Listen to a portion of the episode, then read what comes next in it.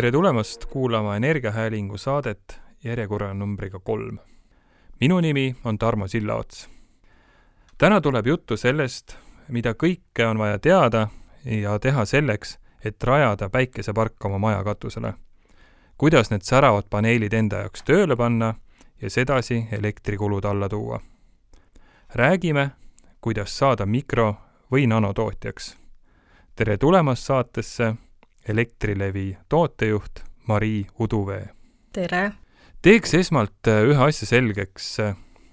räägi palun, mis on vahet mikro- ja nanotootjal? mikrotootja on siis väiketootja, kes kasutab elektrienergia tootmiseks kolmefaasilises süsteemis kuni viisteist kilovatti maksimumvõimsusega tootmismoodulit või ühefaasilises süsteemis siis kuni viis kilovatti maksimumvõimsusega tootmismoodulit ja kelle võrgulepingus on ka sellest kokku lepitud.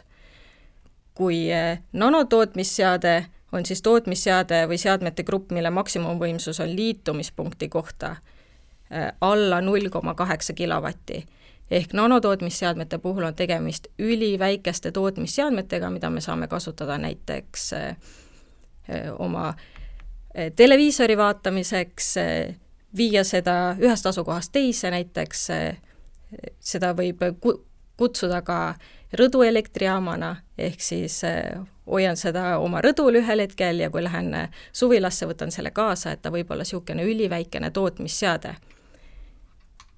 ja, ja mikrotootja on siis eh, suurem tootmisseade, eh, mille puhul tuleb ka liitumisprotsess läbida ja nanotootja puhul saab liituda siis läbi registreerimise, et ei ole pikka menetlusprotsessi, saab minna Elektrilevi ise teenindusse ja tootmisseadme registreerida.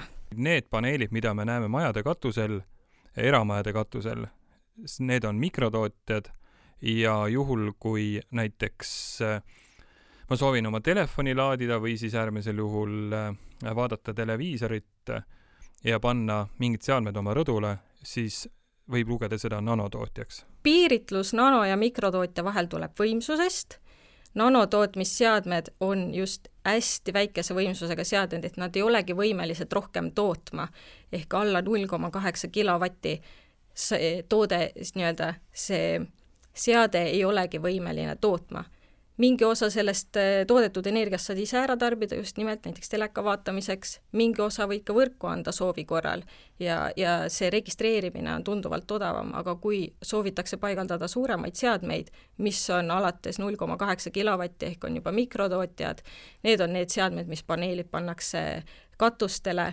siis, siis on tegemist mikrotootjatega ja tuleb ka läbida mikrotootja liitumisprotsess mis on oluliselt pikem ja nõuab ka keerulisemaid võrguarvutusi. et äh, tihtipeale äh, on küsitud minu käest, et äh, räägi, mis asi see Elektrilevi on ja mis see Elering on, et kas sa näiteks lühidalt räägiks lahti, et mis on nende kõige suurem erinevus? mõlematel on ju elektriliinid. täpselt nii, mõlematel on justkui elektriliinid. Eestis on olemas põhivõrk ja üks põhivõrguettevõtja, kelleks on Elering AS ja on palju jaotusvõrguettevõtjaid, kelleks suurimaks on Elektrilevi OÜ. kui põhivõrk on, põhivõrgu ülesandeks on transportida energiat suurte vahemaade taha ja viia tootjatest tarbijate lähedale suured energiamahud, siia võiks siis paralleelina tuua just suured maanteed, mis on suurlinnade ühendamiseks, Tallinn-Narva, Tallinn-Tartu, Tallinn-Pärnu, kus liiguvad suured, suured rekkad, suured, suur kogus autosid, need on suured magistraalid, siis põhivõrk ongi just need suurte energiakoguste viimiseks ühest asukohast teise pikkade vahemaade taha ja samuti ka riikidevahelised ühendused.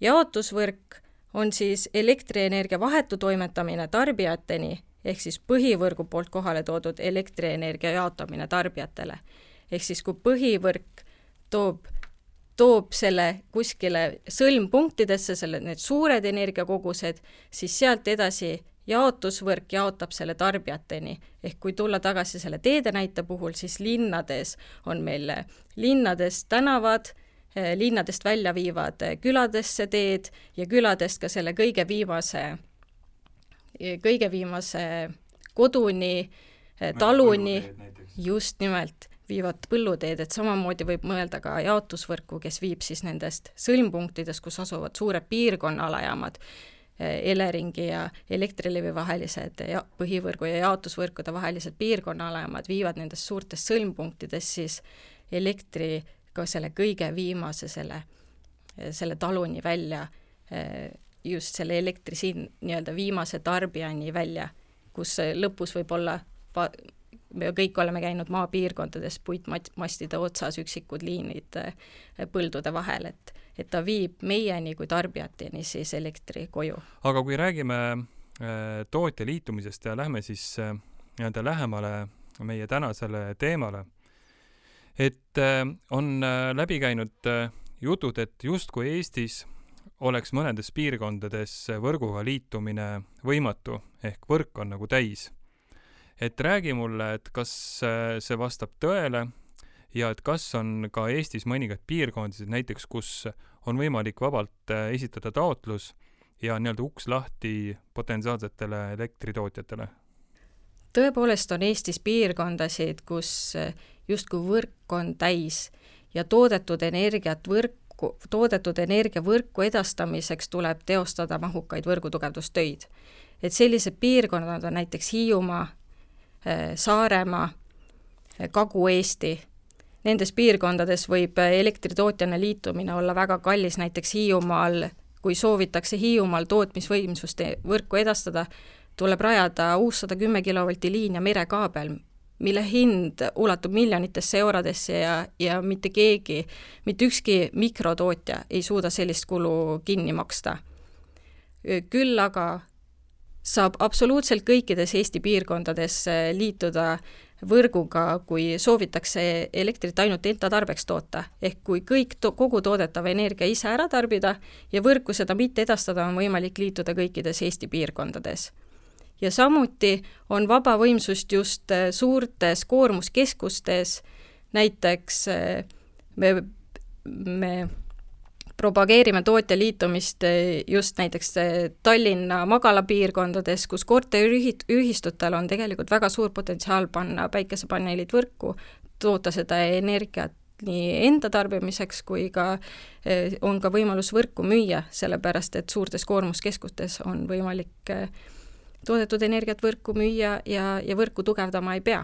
See on hea info, et kui meie kuulajate seas on näiteks korteriühistute juhatuste liikmed, ja kui nad asuvad äh, just äh, Tallinnas, näiteks äh, Mustamäel, Õismäel, Lasnamäel, siis see on hea koht korraks läbi mõelda, miks mitte mõelda päikesepaneelidega elektri tootmise peale. et, et lähme nüüd pisut veel lähemale meie, meie tootmisteemale ja et ma küsiks sinult kui spetsialistilt et võib-olla kaks-kolm põhimõtet või siis olulist teemat, mida peaks siis see tulevane elektritootja, kas ta on siis koduomanik või siis korteriühistu liige, endale selgeks tegema enne, kui ta üldse hakkab liitumistaotlust kirjutama?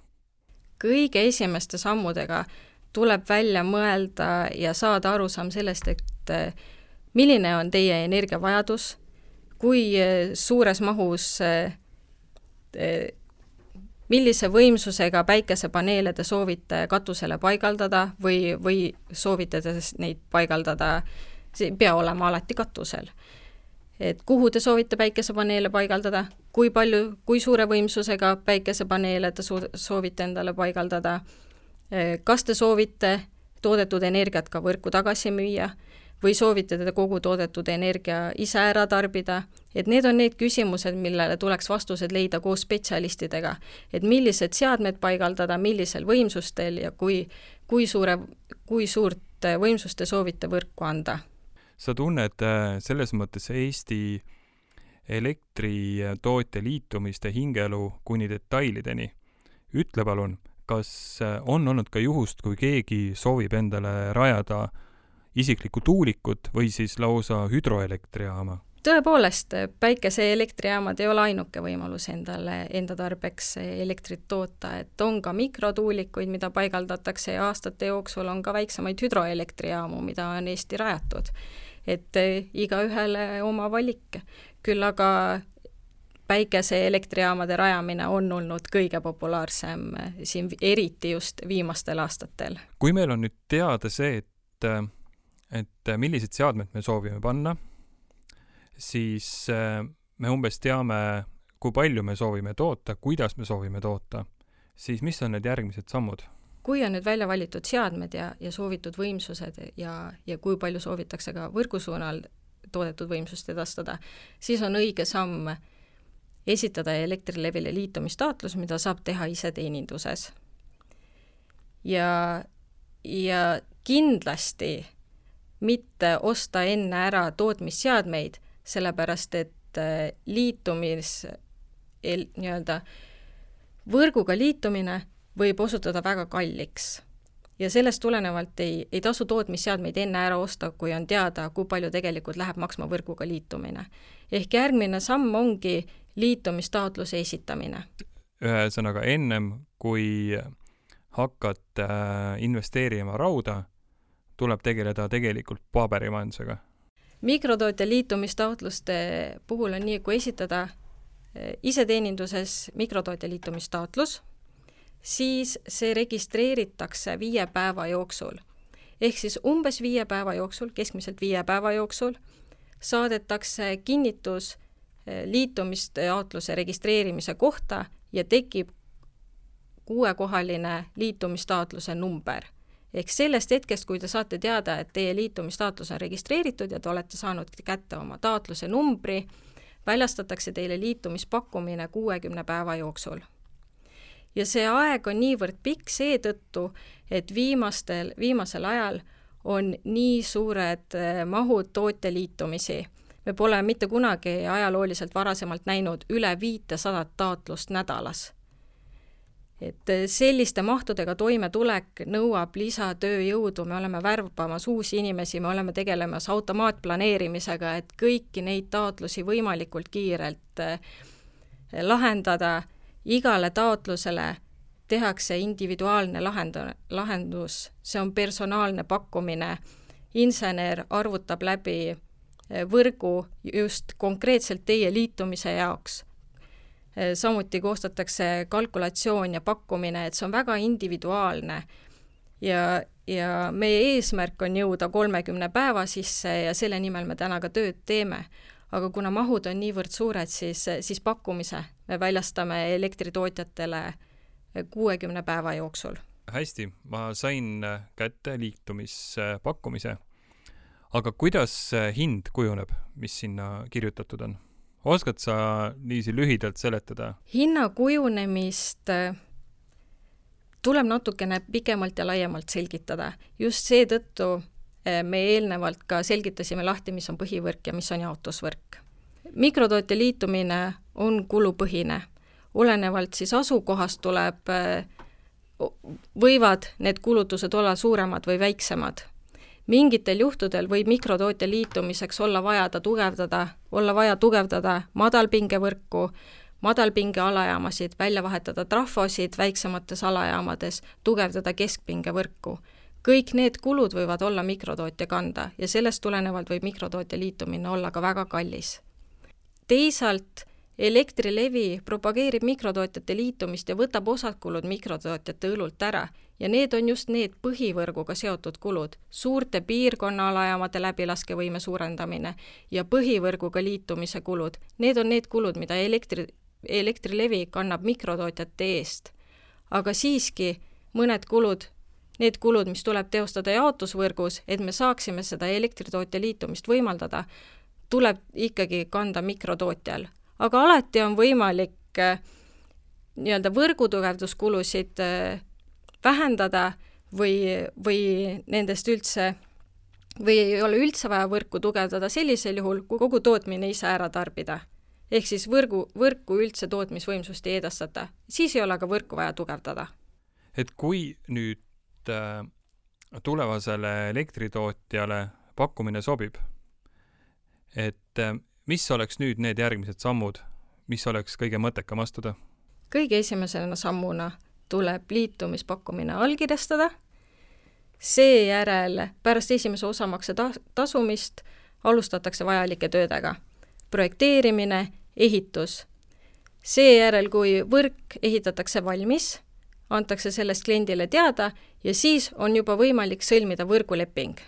aga kust ma vahepeal saan teada, et äh, mitu paneeli ma ostma pean? eelnevalt oled sa juba selgitanud välja, mis võimsusega elektritootmisseadmeid sa paigaldada tahad.